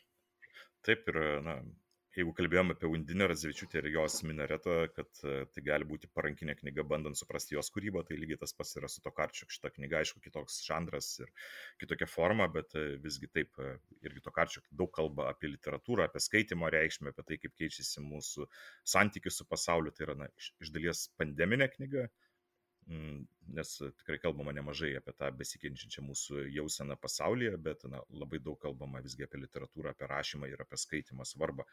E, dar ką galima atkreipti dėmesį, tai yra bent kelios knygos skirtos e, muzikai. Pas mus e, leidžiama ne tiek ir daug ir aš taip pastaruoju metu pagalvojau, kas, kas, kas tai yra Petis Smith, galbūt toks labiausiai ryškiausias toks pavyzdys knyga, kuris sulaukė didelio skaitytojų dėmesio, tiesiog vaikai, kurie skaitė net ir tie žmonės, kurie galbūt Petis Smith prieš tai net nebuvo klausę, nes tiesiog gerai. Arba šiaip, kurie nelabai skaito. Taip, nes e, tiesiog gerai parašyta knyga ir, ir tai, tai čia dabar turime kelias knygas, tokias Bobas Dylanas, be abejo, turintis savo daug gerbėjų ir kaip žinia, gavęs ir Nobelio literatūros premiją, labai kontroversiškas sprendimas buvo labai daug aptarinėjimas, na, bet skaitant šią knygą supranti, kad, na, rašyti jisai tikrai moka ir turi ką papasakoti, ir tai ne tik jo gyvenimo istorija, bet ir to paties New Yorko, tos pačios Amerikos to laikotarpio istorija, na ir aišku, dar kitas irgi atlikėjas, kuris turi gausybę gerbėjų ir irgi yra šiame sąraše, tai Silija Siemens tavo žmogus Leonardo Koino gyvenimas. Tai dar vienas e, atlikėjas, kurio pristatyti niekam nereikia ir kurio gyvenimas irgi yra tikrai kur kas daugiau negu tik muzika, tai yra na, simbolis turbūt ne vienai kartai žmonių, kurie klausosi muzikos. Tiesa, klausimas. Ir kurį mes. Taip. Ir kurį mes savinamės, ar nesakydami, kad Koenas yra Lietvakas ir štai turim Vilniui net skulptūrą skirtą jam, tai aš manau, kad tikrai gerai, kad lietuviškai yra šitą knygą. Na ir įdomu šiaip aišku, kaip bus e, su muzikos e, biografijų leidimu toliau, nes e, mes irgi turėjom tokią vieną ir vienoje diskusiją dalyvau, kur mes irgi kalbėjom apie tai, kad, na, muzikos klausytojai labai dažnai tokias knygas jau perskaitė būna angliškai ir aš pats tą patį apie Koiną irgi skaičiau prieš tai angliškai, tai na, kokie, kokį dydžio yra ta auditorija ir kokį, kiek daug yra tokių žmonių, kuriems na, būtent tokių vertimų reikia, čia bus įdomu, bet aš labai tikiuosi, kad ta tendencija įsilaikys ir kad ir kitais metais lauksime dar įdomių vertimų būtent apie atlikėjus, apie muzikantus, apie grupės, nes tai yra tikrai labai labai daug įdomios literatūros parašytos šioje srityje. E, Tarkovskis yra be abejo, tai irgi išleistas dar prieš karą. Dabar, kai mes kalbame apie Rusijos kultūrą ir apie tai, kaip vertinti Rusijos menininkus, galbūt tame visame kontekste kažkiek ir dėmesys irgi šiai knygai nublanko, galbūt irgi nebuvo tiek labai daug aptariama, nors tikrai man labai mėgstamas režisierius. Na, bet aš manau, kad irgi savo skaitytojų radą tikrai surado, nes jis kalba irgi, kaip ir Dylanas, kad tam tikras prasme irgi kalba tikrai ne tik tai apie save ir apie savo filmus, bet jis kalba apskritai apie kiną, apie kino kurėjo darbą ir apie pasaulio matymą, kuriant filmus. Ir turim net kelias architektūros pozicijas, ar ne? Tai aišku yra e, leidyklos lapas e, knygos, leidyklos, kurie specializuojasi architektūrinių knygų leidyboje. Tai e, Junichiharo Tanizakio Odė šešėliams, klasikinis japonų literatūros, estetikos ir architektūros tekstas. Ir, žinoma, Remo Kulhaso karščiuojantis New Yorkas, retroaktyvus manifestas Manhattanų, irgi absoliučiai architektūros tekstų klasika. Tai irgi kažkaip um, liudyja, kad žmonės skaito ir architektūrinės knygas ir žinot, kaip sako, architektūra yra kultūros motina, tai man kažkaip visada, visada, visada džiugina, kad architektūros knygos yra įtraukiamos į, į sąrašus. Turim ką dar, Huizingo sužalota pasaulio apmąstymai apie mūsų kultūros atkūrimo galimybės, turbūt dar labiau suaktualėjusi šiais metais knyga, ar ne? Mhm. Jo, nes jisai kalba irgi apie tai, kad kai karas baigsis, kokie šansai atkurti kultūrą ir apie tai, kaip pasaulis keisis pasibaigus karui ir, ir kultūros reikšmė apskritai visuomenėje. Na, jis yra pakankamai optimistiškas, ta, ta prasme, kad jis galvoja, kad visgi kultūra yra vienas iš tų pagrindo naujosios visuomenės kūrimui. Ir, ir, bet aišku, galima skaityti čia ir, ir tokių pakankamai pesimistiškų minčių, kad visgi visuomenė galbūt nenuėjo tos pažangos kryptimi ir kad visgi eina savo savidestrukcijos kryptimi. Na, bet Huzinga irgi labai smagu, kad leidikla Gelmės nusikliai leidžia jo knygas ir turime išleistą, aš dabar nepasakysiu, gal trečią knygą per pastarosius kelius metus jo. Na, bet čia galiu klysti, bet tikrai jau ne pirmoji knyga ir mes galime susidaryti pakankamai plautų šio e, Niderlandų autoriaus e, kūrybos vaizdą. E, taip, Dar turbūt reikėtų atkreipti dėmesį į Serhijaus Plochį knygą Europos vartai Ukrainos istorija. E, Leidikla Briedis, aišku, leidžia knygas kaip pasitusi vieną po kitos ir ten kartais galvoju, kaip, kaip, kaip įmanoma tiek iš viso išleisti, bet e, toje visoje gausybėje knygų yra pasirodo ir tikrai neblogų, ir tikrai tokių perliukų galima sakyti. Ir štai Plochis irgi e, daug kas ir ir Facebook'e mačiau rašė, ir, ir šiaip aptarimuose kalbėjo, kad na šitą knygą, kuri viena iš tų, kurie labai gerai padeda suprasti Ukrainos istoriją ir tikrai galiu tik tai patvirtinti, nes e, parašyta galbūt ir nėra taip jau kažkaip gilintis tam tikrą vieną laikotarpį, bandant surasti kažkokias giluminės esmės, greičiau apriepia, yra plati pakankamai aprieptis, bet jį labai aiškiai paaiškina kontekstą Ukrainos istorijos, sąsai su kitomis valstybėmis na, ir sugriauna tam tikrus mitus, kaip mes galbūt įsivaizduojame, kas, kaip, kaip vystėsi Ukrainos istorija na, ir beje randame tikrai nemažai sąsajų su Lietuva. Tai tikrai šią knygą, jeigu norite suprasti visgi apie Ukrainą, apie dabartinę Ukrainą, apie Ukrainos istoriją, tai Europos vartus tikrai labai rekomenduoju. Ir be abejo, šiame sąraše, kaip jau tavo paminėtas, yra Merlino Sheldrake'o Raizgus gyvenimas. Na, knyga mano tikrai drąsiai galiu pasakyti, be ne labiausiai aptarta iš verstinių negrožinių knygų šiemet, nes apie tai, kas grybai nėra grybai ir kaip jie kūrė tuos tinklus ir apie tai, koks yra slepiningas gyvenimas ir kaip atsako autorius, kai teko pokalbį su juo įrašinį daryti, tai jisai sakė, kad na, kuo daugiau sužinai apie grybus, kuo daugiau juos nagrinėjai, tuo labiau supranti, kad nieko apie juos nežinai ir kad mes tik tai kropelytė žinome apie tą raizgų grybų gyvenimą. Tai tikrai skaitai knygą ir nuostabu atrodo, na, mes gyvenam šalia jų ir paskui, va, kai vaikštai po mišką, tai vaikščiojimas perskaičiu šią knygą tampa visai kitoks negu kad buvo anksčiau. Taip, šita knyga turbūt pradėjo apskritai kažkokį tokį platų pasaulinį grybų, grybų judėjimą ir žinau, kad ir Lietuvoje yra rengiamos ekskursijos po miškus e, tyrinėti grybų. Aš beje Varšuvoje jau net vaistiniai užmačiau visokių uh, čaigos, po to šitakį grybų, visokių maltų mišinių, smegenų susikaupimų ir taip toliau ir panašiai. Tai man atrodo, kad grybų industrija tik tai plėsis ir šiaip yra beje labai įdomu, kad šitą Šeldraiko knygą skaitė net ir tie žmonės, kurie tikrai yra labai toli nuo knygų ir nuo literatūros. Tai manau, tokia šitos knygos sėkmė ir akivaizdu, kad buvo bestselleris tiek anglakalbiam pasaulyje, tiek akivaizdu, kad ir pas mus. Taip.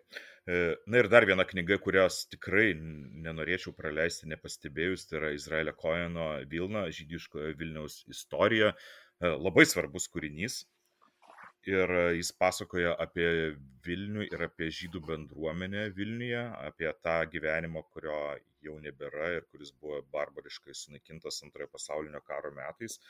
Na ir šitą knygą pristatoma, kad kaip pirmoji bet kuria kalba parašyta išsami Vilniaus žydų bendruomenės istorija nuo ištakų iki pat antrojo pasaulinio karo, iki pat holokausto pradžios ir pabaigoje mes jau matome, kad holokaustas jau prasideda, nors aišku, dar, dar tik tai jo uh, tik pradžia ir, ir, ir, ir, ir knygoje ne, ne, neaprašoma visas tas siaubas, kuris įvyko šitai bendruomeniai, tačiau iš tikrųjų skaitome apie, tiek apie kultūrinį gyvenimą, tiek apie papročius, tiek apie e, tiek apie jų politik, politinius įsitikinimus ir rašoma tiek apie, tiek apie, tiek, tiek apie jų kažkokius tai tarpusavio ir vaidus, galbūt netgi, na ir kadangi autorius žiūri tai iš šono, jis gali gana pakankamai, net ir neslėpdamas, aišku, meilės šitai bendruomenė, visgi kažkokiu objektyvesniu žvilgsniu žiūrėti. Ir bent jau man tai buvo labai labai įdomu skaityti ir atrasti Vilnių, koks, na, bent jau man buvo nepajaustas ir nepamatytas iki šiol. Tai labai rekomenduoju bet kam kas e, skaito negrožinės knygas, e, kas domisi Vilniumi, kas domisi žydų bendruomenės istorija, perskaityti šią knygą. Na ir pats e, šios leidyklos įkūrėjas Viktoras Bachmetėvas sakė, kad na, apskritai Huberį įkūrė tam, kad leistų tokias knygas kaip ši. Na, tai man atrodo, tai jau pakankamai didelė rekomendacija. Ir tai yra ta knyga, kuri iš tikrųjų net keista, kad mes tik dabar turime, bet ačiū Dievui, pagaliau turime jos vertimą į lietuvių kalbą Ir taip, tai yra toks turbūt pamatinis tekstas, bandant suprasti žydiškojo Vilniaus istoriją, tai tikrai labai irgi džiugina, kad šitas tekstas yra, yra penketuke. Jau skaitytojų išrinktame ir aš gal dar noriu atkreipti dėmesį į porą knygų, tai aišku, mm, irgi man atrodo šita knyga galbūt truputį pražiūrėta buvo, nes ji buvo išleista ir, ir pristatyta Vilniaus knygų mugėje. A, tai Žano Kristofo Mončio a, šimtas prisiminimų apie tėvą skulptorių Antaną Mončį, kurio šimtmetis pernai 2021-aisiais buvo. Tai aišku, šita knyga yra kartu ir toks bibliografinis, e, atsiprašau, leidybinis e, meno kūrinys, nes Sigutės Klebinskaitės dizainas yra tikrai įspūdingas e, šitoje knygoje. Na ir aišku, įdomu sunaus ir tėvo ta istorija, sunaus ir tėvo santykiai. Tai mano tėvas Santas šimtas prisiminimo apie Antaną Mončiį. Tikrai tokia knyga, kur tarsi jungia memoristiką ir meno, mūsų lietuviškojo meno, meno istoriją. Na ir turbūt e, e, Česlavas Milošas, pradedant nuo mano gatvių, knyga, kur dalis jau iš tos knygos buvo publikuota anksčiau, bet štai dabar Lietuvos raštojų sąjungos leidikla išleido šitą tekstą, tai tikrai Milošas turi savo savo skaitytojų ratą ir gerbėjų ratą Lietuvoje, čia be jokių klausimų ir be jokių diskusijų. Tai tikrai manau, kad žmonės skaito ar skaitys ir, ir šią Milošo knygą.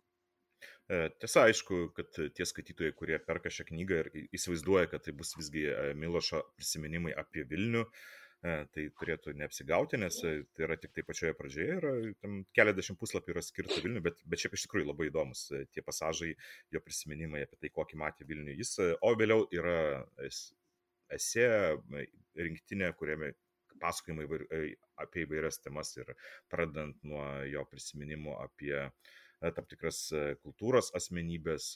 Man buvo labai įdomu paskaityti apie jo prisiminimus apie Gombrovičių, tarkime, jo pasvarstymus įvairiausiamis temomis. Na, bet kaip ir sakėjai, kad na, Milošas tikrai turi gausybę gerbėjų ir, ir tikrai svarbi asmenybė ir mūsų istorijai, ir mūsų kultūrai. Tai čia net turbūt neverta daugiau net jo ir pristatinėti, nes tikrai jis jau ir rado ir suras savo skaitytoją.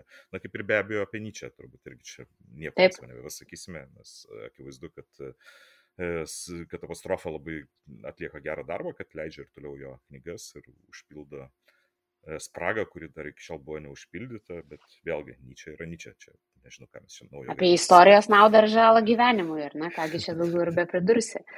Na ir turbūt pati storiausia, aš taip galvočiau, penkioliktuko knyga yra Sapolski elgesys, kaip mokslas Taip. paaiškina geriausius ir blogiausius mūsų poelgius.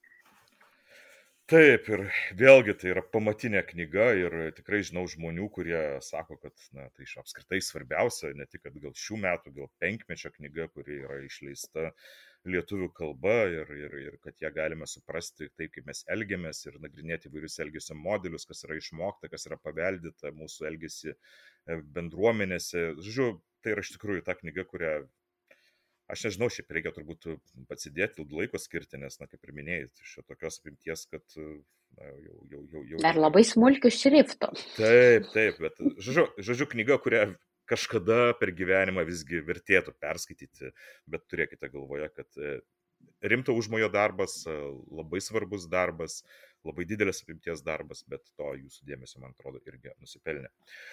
Tai ką, aš nežinau, ap, ap, mes pradžioje lyg ir taip e, pabambėjome, kad galbūt buvo tokie, na, ir prastoki metai, kad galbūt ir neturėjom laiko kada skaityti ir visą kitą ir panašiai, ir gal nebuvo gal per daug ten nuotaikos, bet štai dar vieną penkioliktuką apžvelgėme ir vėl galima konstatuoti, kad, na, puikus penkioliktukas, puikiai buvo, puikus buvo knygų derlius ir negrožinės literatūros leidyboje, ar ne?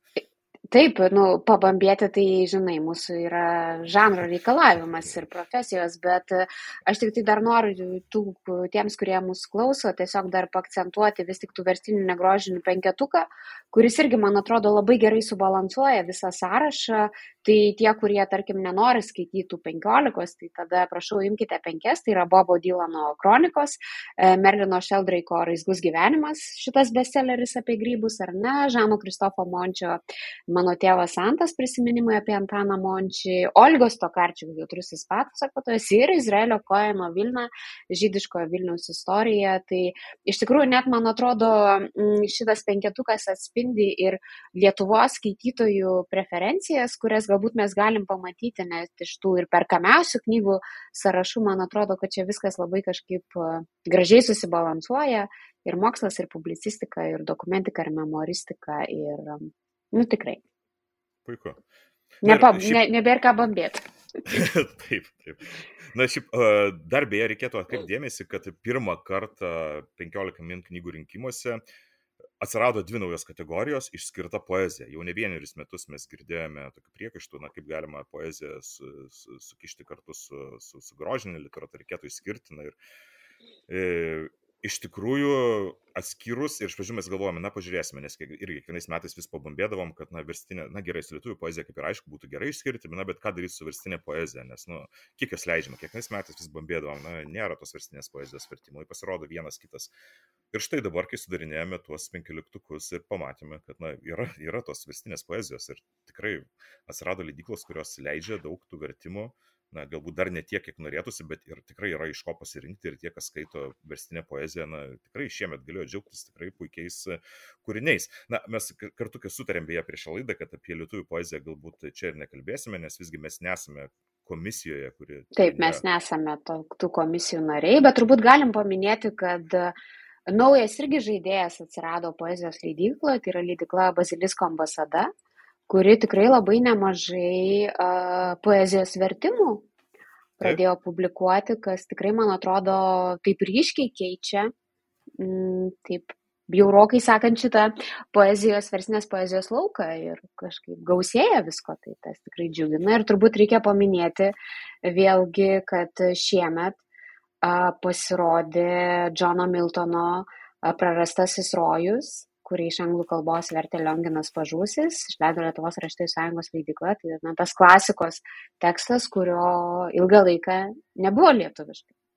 Na taip, jis dar nėra pilnas vertimas, tačiau yra visgi nuosekliausias ir kol kas išsameusias vertimas, kokį mes turime lietuvių kalbą. Ir, na, irgi čia vėlgi, turbūt kaip ir su Nyčia nėra čia ką kalbėti, čia yra knyga reiškinys, knyga už, užmanti, tiesiog yra literatūros kanono dalis ir tikrai ne tik literatūros, bet apskritai meno, kultūros ir visų kitų sričių, tai čia jau net nėra ką kalbėti ir na, neturėtų tokio vertimo, tikrai buvo labai keista, kad mes tokio neturėjome ir lygiai tas pas pasakytina turbūt ir apie Varną iš Varno gyvenimo ir gesmių, vėlgi dar vienas klasikinis kūrinys, kurio irgi mes neturėjome ir dabar laimiai turime, tikrai puikiai išverstas, žaižaruojantis fantaziją ir, ir apskritai toks tikrai labai paveikus ir bent jau man buvo išverstinės poezijos tikrai buvo viena iš favoričių, jeigu ne favoritė praėjusiais metais.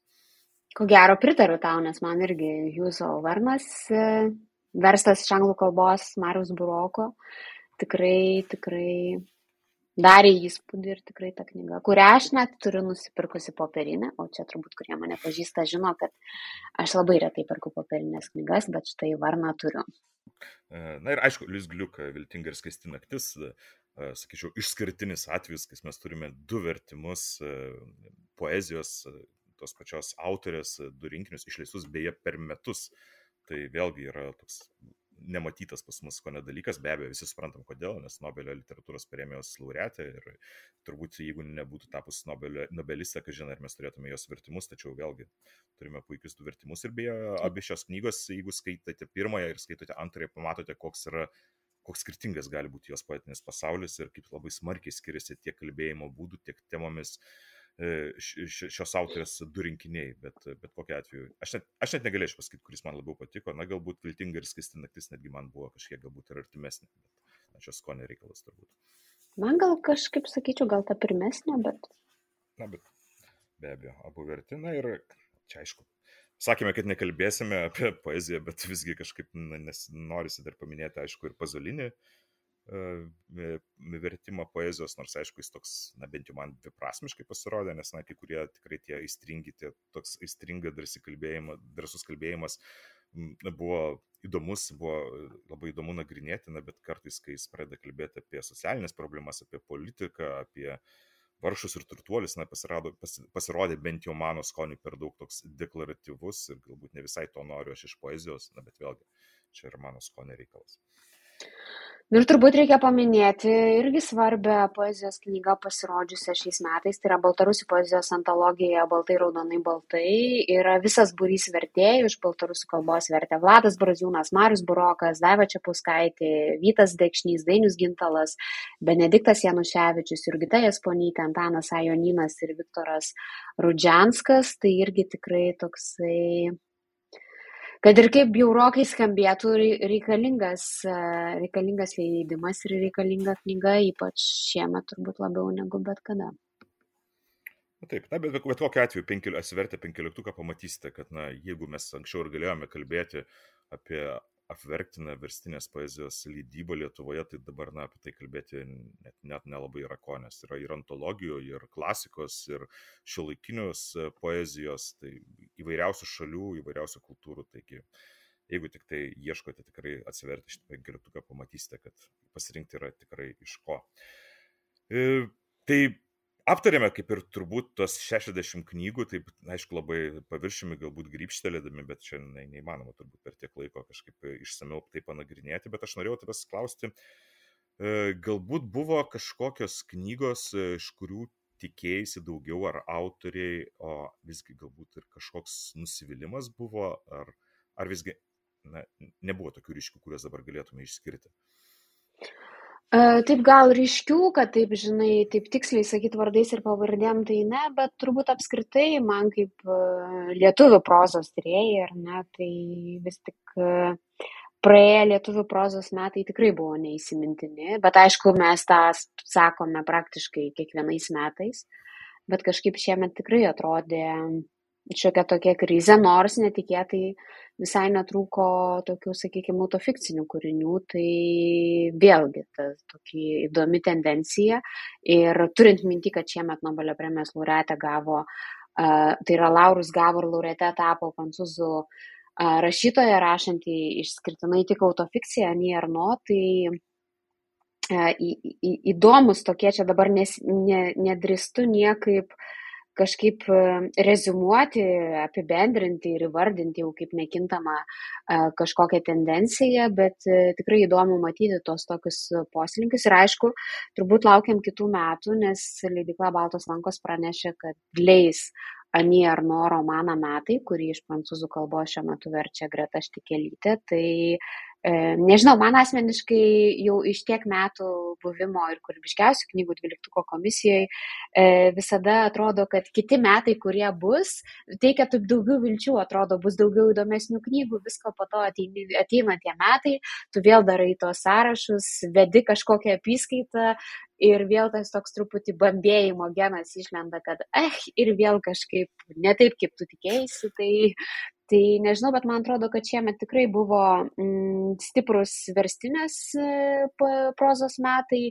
Ir tarkim šiuo metu aš baigiu skaityti vat net antrą latvišką knygą per pastarąsias dvi savaites tai labai džiugina kad kažkaip atsirado žvilgsnis į kaimynų E, literatūrą į latvių. Aišku, aš dabar būdama Varšuvoje ir, ir truputį matydama lenkiškų knygynų vitrinas, tai atrodo norėtųsi ir šitos, ir šitos, ir šito autoriaus, ir tos autorės knygos lenkiškai, nes kažkaip pas mus dar vis lenkų literatūra stovintų tokių titaniškų vardų, Česlovas Milošas, Olga Tokarčiuk, tai ką mes puikiai pažįstam ir žinom, tai tikrai norėtųsi norėtųsi naujų, pavyzdžiui, dabar ką tik naują knygą išleido Šepant Vardoch, toks irgi akivaizdu, kad žvaigždė tampantis jaunas Lenkų rašytojas, tai nu, norėtųsi, kad, kad, kad, kad kitais metais būtų, būtų naujų kažkokių įdomių, negirdėtų autorių ir vertimų, bet tendencija turbūt viena ir ta pati, ar ne? Negrožinė, kažkaip tarsi stumia grožinė į kažkokią, nežinau, ar pašalę, ar grožinę įima e, penkia minutė per traukėlę, ar sėda ant atsarginių suolo, ne, ne, nežinau, kurią metaforą čia panaudoti, bet turbūt kažkokie tokie poslinkiai matos. Na, kalbant bent jau apie literatūrą, lietuvių literatūrą, tai gal ir galima būtų tai konstatuoti, aišku, na, kalbant apie verstinę, kuriai aš visgi skiriu daugiau savo laiko ir skaitimų, tai, na, kažkaip nusivilti netenka net e, ir šių metų pabaigoje, nes mes apkalbėjome tuos penkioliktukus, kurie pateko į 15 min metų knygų rinkimus e, sąrašus, bet, na, štai, kad ir dabar esu, štai atrodo, paskutinis mėnuo esu apsikrovęs naujomis knygomis, kurios štai metų pabaigai išleistos bent kokios penkios geros tikrai knygos, kurios, na, tikrai laukia perskaitimo, na, aš jau nekalbu apie to karčiaktą knygą, kuri kaip pamatinė pas mane čia dabar irgi, va, po šoną guli ir, ir, ir kažkaip reikia visgi suprasti, supras, nes neįsivaizduoju, kaip čia ją pabaigti per pastarąsias kelias dienas, na, bet visgi norisi, nes iš tikrųjų puikia knyga, bet, na, apimtis jos yra tokia tikrai nevaikiška. Na, bet šalia jos guli dar kitos knygos ir dar metai tik tai baigėsi. Žinome, kad prieš knygų mūgį išeis dar krūva naujų knygų. Tai viskas atrodo pakankamai optimistiškai, bent jau mūsų leidyboje. Na, kalbant apie knygas, kurios galbūt, iš kurių aš galbūt daugiau tikėjausi, aš nežinau kaip tau, tai iš verstinių grožinių, kuriams visgi aš, kaip ir sakiau, daugiausiai visgi skiriu dėmesio, tai e, nežinau kaip tau man Sally Rooney naujas romanas nepaliko tokio didelio įspūdžio kaip ankstesnis.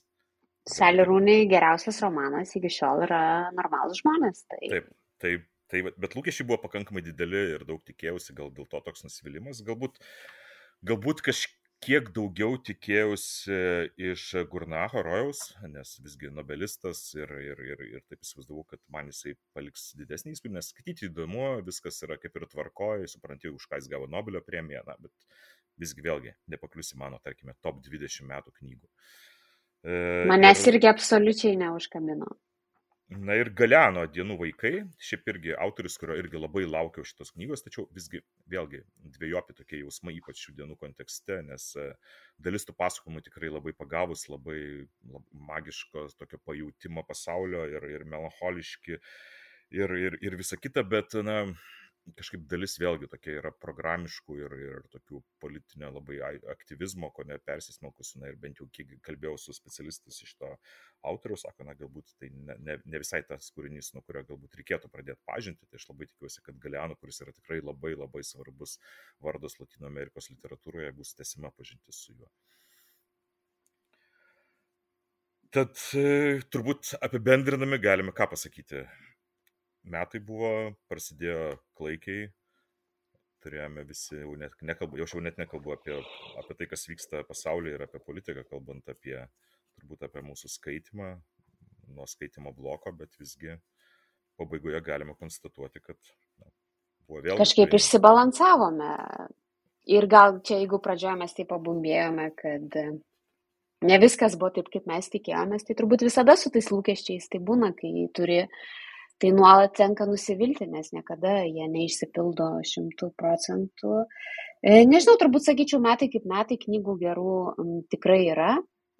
Buvo kas nuvylė, buvo kas džiugino, nežinau, čia aišku jau kitų metų, nes knyga pasirodė po lapkričio pirmos, čia turbūt irgi reikia priminti, kad 15 min knygų rinkimai ir 15 apima laiką kalendorinį nuo vienų metų lapkričio pirmos iki kitų metų lapkričio pirmos, tai štai po lapkričio pirmos pasirodė Marijos Buroko verstas leidyklos lapas išleistas nedidelis Bruce Chatwin romanas Ucas, kuris, nežinau, man toks kažkoks šviesos spindulys buvo šitame tikrai, aš nežinau, kas šiemet nutiko, nežinau, Audriau, kaip tau yra lapkritis ir gruodis, kažkaip akivaizdu, kad žmonija nepasimoko iš pandemijos, iš, ne, iš istorijos, iš pamokų ir atrodė, kad po pandemijos mes kažkaip viską kitaip darysim, ramiau gyvensim, o dabar, nežinau, atrodo, akceleracija yra kubų ar nežinau kiek kartų ten greitesnė ir atrodo visi visiškai eina iš proto, tai visame šitame beprotystės kažkokiame chaose Ucas man buvo tikrai toksai šviesus, bet aš čia jau tokį kaip anonsą kitiems metams darau ir čia jau galit, galit, žodžiu, nusižiūrėti ir klausyti tą skaityti, nes ir apie Olgos Tokarčiuk Jokūbo knygas, kurios e, pirmą kartą skaitytom buvo pristatytos paviljono knygų savaitgalyje. Irgi nekartą užsiminėm.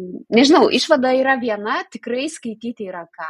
Ir tai štai penkioliktukai liudija, kad yra ne, ne 60, aišku, skirtingo gerumo, bet vis tiek pakankamai plus minus, sakykime, gerų knygų. Kiekvienas išsirinks pagal savo skonį, tai turbūt viskas nėra taip blogai. Taip, Ir e, tavo paminėtas beje irgi Četvinas, e, aš jau galbūt e, daugelis pažįsta, kas skaito angliškai, turbūt iš kitų kūrinių, visų pirma, pradedant nuo knygos apie Patagoniją, bet uh, bet šiaip man irgi šitą knygą, aišku, suskaito labai per valandą, turbūt pusantros e, persiskaito, bet tikrai palieka puikų įspūdį ir tikrai, kaip tu ir sakei, palieka tokį šviesos kažkokį blyksnį. Na ir bet tu paminėtų dar yra Šūkis Beinas, kuris, manau, irgi bus labai plačiai aptariamas visais, visus metus, nes ir dabar mačiau, kad yra atsiliepimų ir labai daug diskutuojama apie šitą knygą, tai irgi manau, kad e, tikrai pakalbėsime kitais metais apie šį kūrinį. Ir taip, tikrai, skaityti yra ko ir skaityti yra ką ir, ir artėjant šventėms, na, jeigu kas dar nenupirkote dovanų, tai čia banalus tas posakis, bet man atrodo, kad tikrai knygos yra geriausias dovanas ir kaip matote, rinktis tikrai yra iš ko. Tikrai yra iš ko. Ir ką, reikia turbūt paanonsuoti, kad mūsų klausytojai lauktų pirmadienio ir sužinotų, Taip. kasgi tie laimėtojai. Taip, kasgi tos šešios knygos, kurios šiemet tapo išrinktos ekspertų komisijos iš tų penketukų, kuriuos išrinko skaitytojai. Na, tikrai man atrodo, kad manau, kad e, tos šešios knygos, aišku, aš dar kol kas e, negaliu nieko pasakyti, kas tai bus, bet tai, tai iš tikrųjų tikrai verta dėmesio jūsų ir tikrai siūlau perskaityti bent jau jas, jeigu neturite laiko visoms toms 60 to tų visų plačiųjų ilgųjų sąrašų. Ir kągi, ir turbūt e, mes Jurat irgi ką galim pasakyti, kad na, viskas metai baigėsi, buvo įvairūs, buvo sudėtingi, bet na, žengėme su naujom viltimi kitus metus ir, ir turbūt susitiksime jau ir kitais metais, kitais kitų metų susiklausimuose. Taip, ir labai gerai, vakar vienas bičiulis sako, net nebežinau, ko linkėti kitais metais, sako, kažkaip pernai, kai dar buvo pandemija, linkėjom sveikatos, o dabar jau net nežinia, tarsi tas taikos linkėjimas skamba irgi taip diskutuotinai, ar ne, kas yra ramybė šiais laikais iš vis nebeaišku. Tai nežinau, gal man kažkaip skamba mintise E, iš Rimanto Kmitos pietinio kronikų tas toks kažkoks ir kur Lenkijoje aš labai dažnai tą žodį girdžiu, kad kažkaip spakainiai, nu spakainiai viską taip kiek įmanoma daryti, gyventi, o tarptų visų dalykų dar ir vieną kitą gerą knygą paskaityti ir aišku, esant galimybėj klausyti mūsų tinklalaidės. Taip, tai kągi, tai turbūt e, tiek šiam kartui, tai netrumpas pokalbis gavosi ir Atsisveikiname su jumis ir kaip visuomet buvome tinklaladėje mes, aš Audrus Ožalas. Ir aš Juratė Čarškutė. Ir ką gerų skaitinių? Iki.